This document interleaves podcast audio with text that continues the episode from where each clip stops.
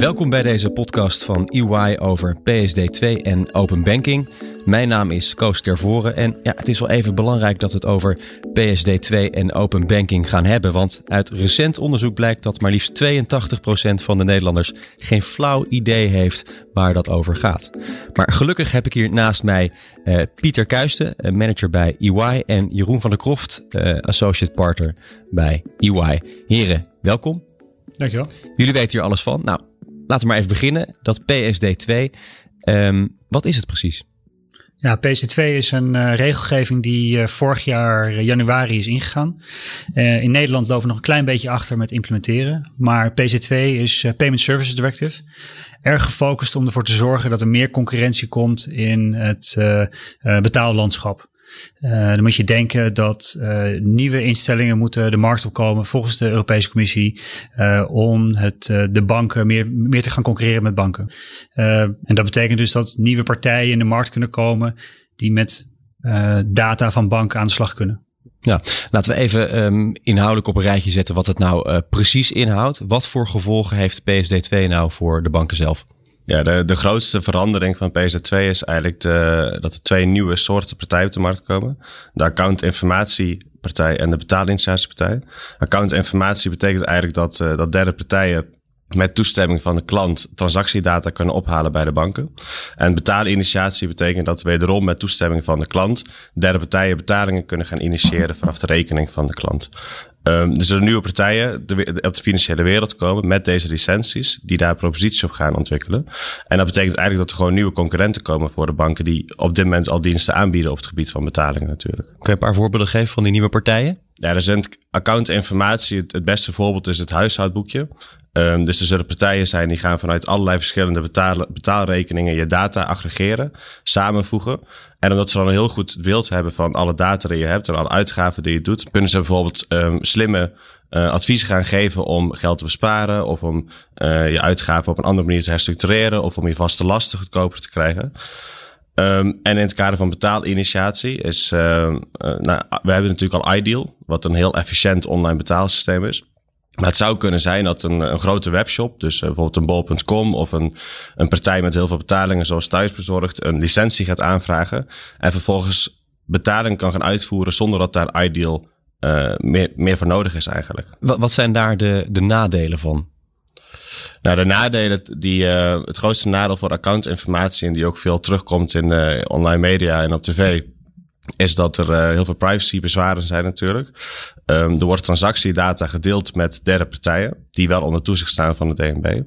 Maar in die transactiedata kan natuurlijk ook data zitten van andere partijen die er niet voor gekozen hebben om die data te delen. Dus een voorbeeld zou kunnen zijn dat ik een transactie maak naar mijn collega Jeroen. En Jeroen gaat vervolgens in zee met een derde partij en deelt zijn transactiedata. Mijn naam staat in zijn transactieoverzicht omdat ik een betaling heb gedaan naar hem. Maar ik heb zelf geen toestemming gegeven dat die data beschikbaar komt bij die derde partij. En daar is op dit moment geen oplossing voor in de markt om dat te voorkomen. Eh, als we nou even kijken eh, naar de mogelijkheden voor uh, bedrijven en vooral die, die, die derde partijen. Wat voor mogelijkheden geeft dit voor die partijen? Nou, zij krijgen ineens uh, toegang tot data die uh, voor, uh, voorheen niet toegankelijk was voor hen. Dus de monopolie die banken hebben op transactiedata, die verliezen ze eigenlijk. Um, en er zijn gewoon proposities die eerst niet mogelijk waren, die nu wel mogelijk worden. Dus um, als je bijvoorbeeld naar een, uh, een overstapservice kijkt. Dus er zijn natuurlijk een aantal grote partijen in de markt. Overstap.nl, Independer. Um, die moeten op basis van informatie die data zelf invullen. Doen zij jou een, een voorstel voor een beter energiecontract of goedkopere verzekering, et cetera. Als zij gebruik kunnen gaan maken of toegang kunnen krijgen tot de transactiedata. Kunnen zij geautomatiseerd jouw voorstellen gaan doen om over te stappen naar een, andere goedkopere provider van die, van die diensten. Um, dus door PSD2 is er gewoon ruimte op de markt voor nieuwe proposities die voorheen niet mogelijk waren. En daarmee misschien ook voordelen voor de consument die dan een beter aanbod krijgt van zo'n uh, Pricewise of Ja, absoluut, absoluut. En ik denk dat uh, we op dit moment nog niet precies weten wat er allemaal voor uh, mogelijkheden zijn op basis van data nieuwe uh, proposities aan te bieden. Maar ja, de, de standaard uh, propositie waar we het over hebben vaak is uh, het huishoudboekje uh, betere inzichten geven in je financiële huishouding, zodat je beter om kan gaan met, je, ja, met de inkomsten en de uitgaven die je hebt. En dat er ook meer advies gegeven kan worden op basis van je totale beeld, wat je dan hebt van alle rekeningen die je hebt. En wat is jullie rol hier in dit verhaal in PSD2? Hoe zorgen jullie dat bedrijven dit optimaal kunnen gebruiken? Ja, we doen eigenlijk verschillende, verschillende rollen. Aan de ene kant uh, licentieproces helpen we bij. Dus uh, instellingen die een PSD2-licentie uh, willen hebben. Daarnaast gewoon de compliance kant van PSD2. Er zijn heel veel ja, wettelijke eisen, eisen die opgesteld zijn in, in de verordening en de regelgeving. En uiteindelijk ook in de RTS'en die zijn gepubliceerd. Dat zijn de technical standards die door de toezichthouders worden gepubliceerd.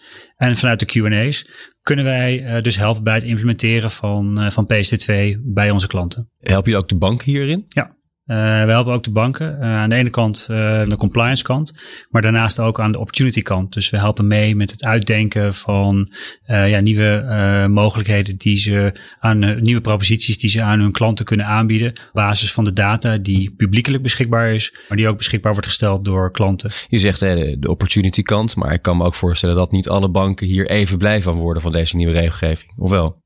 Nou, ik verwacht dat uh, uh, accountinformatie, dus het delen van uh, verschillende rekeningen in één overzicht, dat is niet echt een opportunity. Dat is gewoon een, dat wordt gezien als een, als een bare necessity. Dus dat moet je gewoon aanbieden aan je klanten.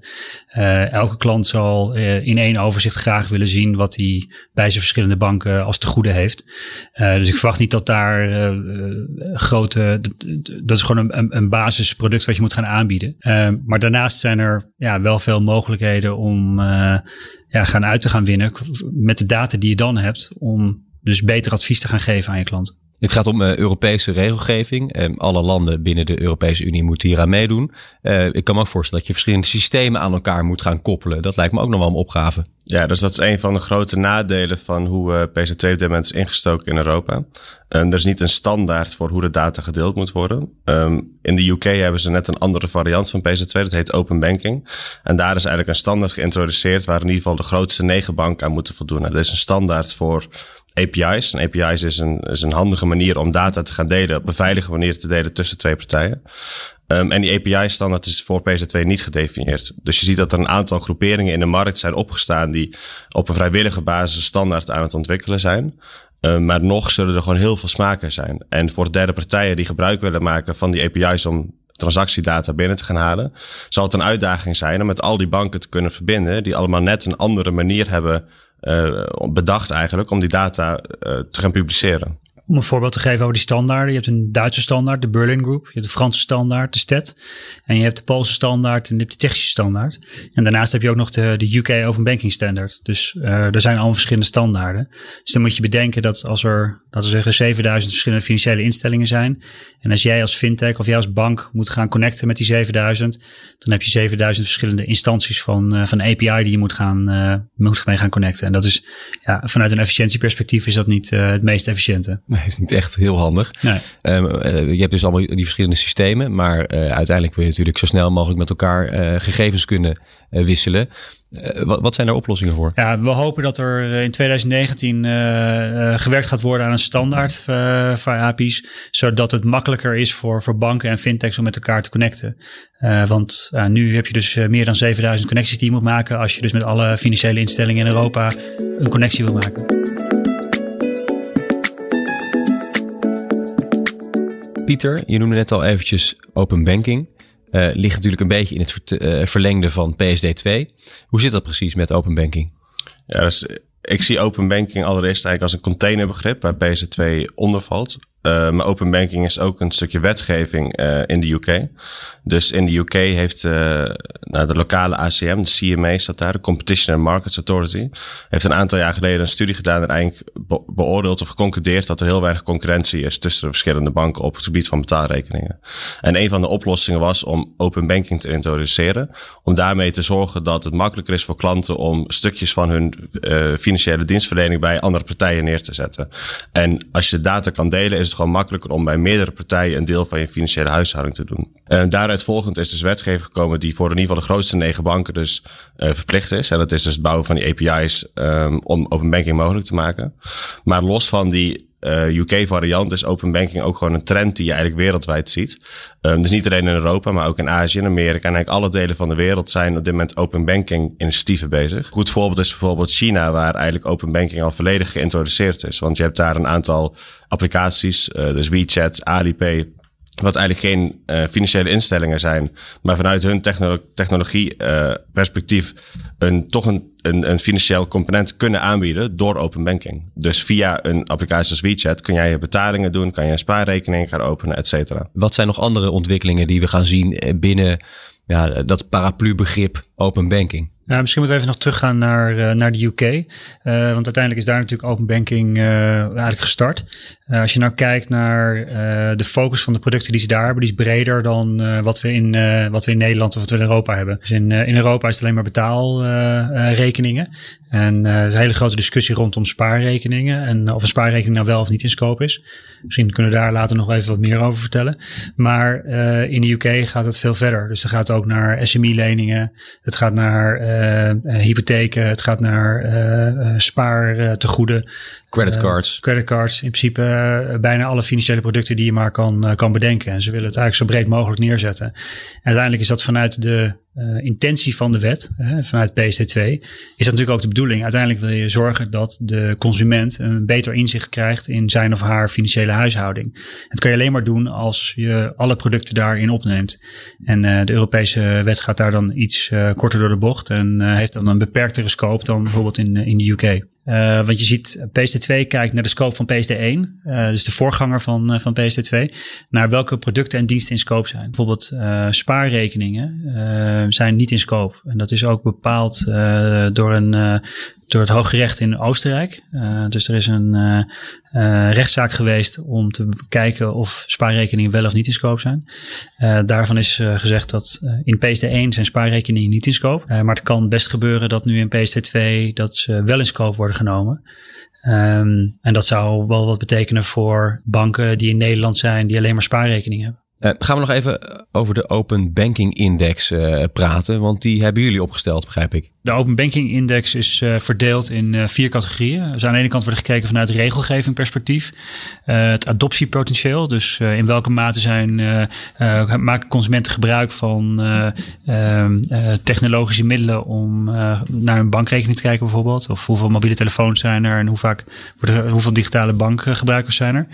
Ander is ook consumentensentiment. Zijn consumenten ja, staan ze open voor om data te delen met, uh, met derde partijen. En het laatste is het investeringsklimaat. Dus in welke mate zijn er fintechs of wordt er geïnvesteerd in fintechs in het land? Nou, dat hebben we vergeleken met tien verschillende landen, waaronder China, Australië, Engeland, Hongkong, Amerika, Duitsland, maar ook Nederland. En waar staan we? Op plek 7 van de 10, wat uh, op zich niet slecht is. Alleen als je kijkt naar het, uh, de factor cons consumentensentiment, um, staan we eigenlijk stijf onderaan. Dus bij consumentensentiment hebben ze bijvoorbeeld onderzocht van zijn de Nederlanders bereid om gebruik te maken van derde partijen? Um, zijn Nederlanders bereid om data te delen in de ruil voor betere dienstverlening? En eigenlijk is het antwoord, of zijn de resultaten niet heel erg positief voor die derde partijen. Zo gaf bijvoorbeeld 18% van de mensen maar aan dat zij hun transactiedata zouden delen met een derde partij in ruil voor een betere dienstverlening. Dus die derde partijen moeten heel hard aan de slag met hele goede proposities om te zorgen dat de Nederlander bereid is om eerder gebruik te gaan maken van die PC2-dienstverlening. Nou, dus ligt een uitdaging voor die derde partijen om inderdaad echt het vertrouwen te winnen van de consument. Ja, inderdaad. Dus een van de grootste zorgen die we hebben gehoord is inderdaad vertrouwen. En is mijn data wel veilig? Um, een deel is daar, uh, heeft ook te maken met communicatie natuurlijk. Zowel door de banken als de derde partijen. Om gewoon helder te communiceren richting de klanten. Wat gebeurt er nou met die data? Is het veilig? Hoe wordt het opgeslagen? Naar wie, naar wie wordt het nog meer gedeeld? En um, als zowel de bank en de derde partij erin slagen om die boodschap helder over te brengen bij het Nederlandse publiek. Dan uh, gaat het een gouden toekomst tegemoet. We hebben natuurlijk ook een sleepwet gehad, hè? een referendum daarover. Heeft natuurlijk ook wel uh, ervoor gezorgd dat mensen daar meer mee bezig uh, zijn gegaan. Dat is misschien iets meer dan in andere landen in Europa. Ja, als je dat kijkt, eh, als je vergelijkt met eh, andere Europese landen waar eh, PC2 geruisloos in de wet is geïmplementeerd. wij hebben nu meer dan een jaar vertraging ten opzichte van landen als Duitsland, Frankrijk en Engeland. Ehm, en dat komt puur omdat de autoriteit persoonsgegevens ja, daar in de discussie meer betrokken is geraakt. misschien op een te laat stadium. Maar het heeft er wel voor gezorgd dat de discussie rondom privacy in Nederland ja, goed gedetailleerd is. Uh, waardoor de discussie wat, wat verder gaat dan, uh, of is gegaan dan uh, in het buitenland. Ook een uitdaging voor al die uh, bedrijven en partijen om met een extra goed product te komen dat ook echt uh, goed in elkaar zit. Ja, we denken echt dat op het moment dat je met een goed product komt, dat dan de consument eerder zal omschakelen en dat het consumentenvertrouwen dan ook zal vergroten. Als je kijkt naar innovaties zoals Tiki een paar jaar geleden, vijf, tien jaar geleden kende Tiki niemand Tiki natuurlijk. En in drie jaar zijn ze naar 20% van de bevolking in Nederland gegroeid. Kijk, op het moment dat je een goed product hebt, dan uh, gaan mensen gebruik maken van dat product. Dank Pieter Kuisten en Jeroen van der Kroft van EY. Dit was de EY-podcast over PSD2 en open banking. Wil je meer podcasts van EY luisteren? Luister ze dan via Spotify of iTunes.